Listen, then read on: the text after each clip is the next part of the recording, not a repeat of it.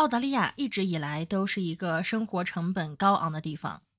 与同类国家相比，澳大利亚的食品、住房和交通费用都比较高。高昂的生活成本也带来了一些优势，比如说更高的工资和生活质量。但是在过去的四年中，这种平衡开始出现了倾斜。SBS 在澳大利亚最大城市悉尼街头采访时发现。生活成本是多数澳大利亚人面临的首要问题。I found that everything is at least 20% more than it was, um, so I'm feeling like I'm having to really cut back on more kind of luxury type items that I would have previously bought. 我发现现在所有东西的价格至少比以前高出百分之二十，所以我觉得我必须减少以前购买的更多奢侈品类型的物品，牛奶、面包等食品的价格上涨。几乎所有东西都在涨价，保险费也一直在上涨，这真的是一个很大的问题。最近的通货膨胀被归咎于新冠大流行，不可否认这一罕见的事件给供应链带来了巨大压力。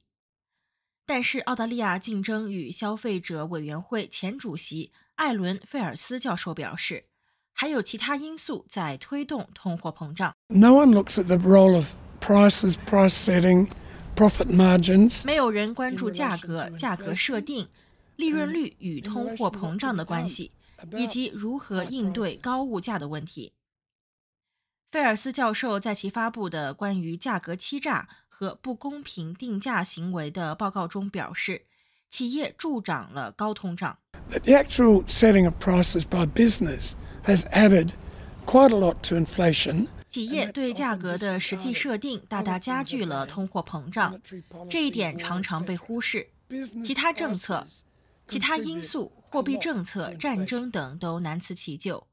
商业价格对通货膨胀的影响很大。澳大利亚工商理事会首席执行官安德鲁·麦肯勒否认了企业对澳大利亚人的剥削。Uh, not at all. Look, uh, it's a very, very difficult uh, trading environment. Uh, not only has the cost of living been rising, but the cost of doing business has been rising. 完全没有，现在的贸易环境非常非常艰难。不仅生活成本在上升，而且经营成本也在上升。 对于小企业来说更是如此。我认为这是整个经济的一个问题。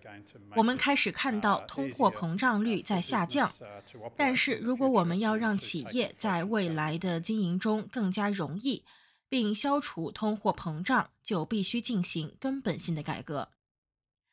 麦肯勒表示，他怀疑这份报告的价值。Well, look, I think we are very sceptical about the report that's been produced and its recommendations. 我们对这份报告及其建议非常怀疑。老实说，我认为这是工会运动事先确定的，目的是给企业抹黑。因此，我们并不十分相信所提出的建议。费尔斯教授指出。澳大利亚的经济政策使不公平的定价行为得以存在。There's been a history until recent epochs of letting monopolies emerge. 直到最近几个时代，澳大利亚一直都在放任垄断的出现，放任兼并的进行。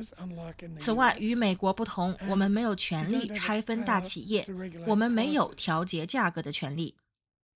他表示，联邦政府需要采取行动保护消费者。Needs to make a high priority of prices. There's a lot of things they can do without having price controls. 政府需要将此作为高级别优先事项。在不实行价格管制的情况下，有很多事情可以做。此外，他们还需要加强竞争政策，制定更严格的合并法，并采取行动防止政府行为推高价格。澳大利亚竞争与消费者委员会在一份声明中表示，他们将对报告对重要经济政策问题的广泛贡献进行审查。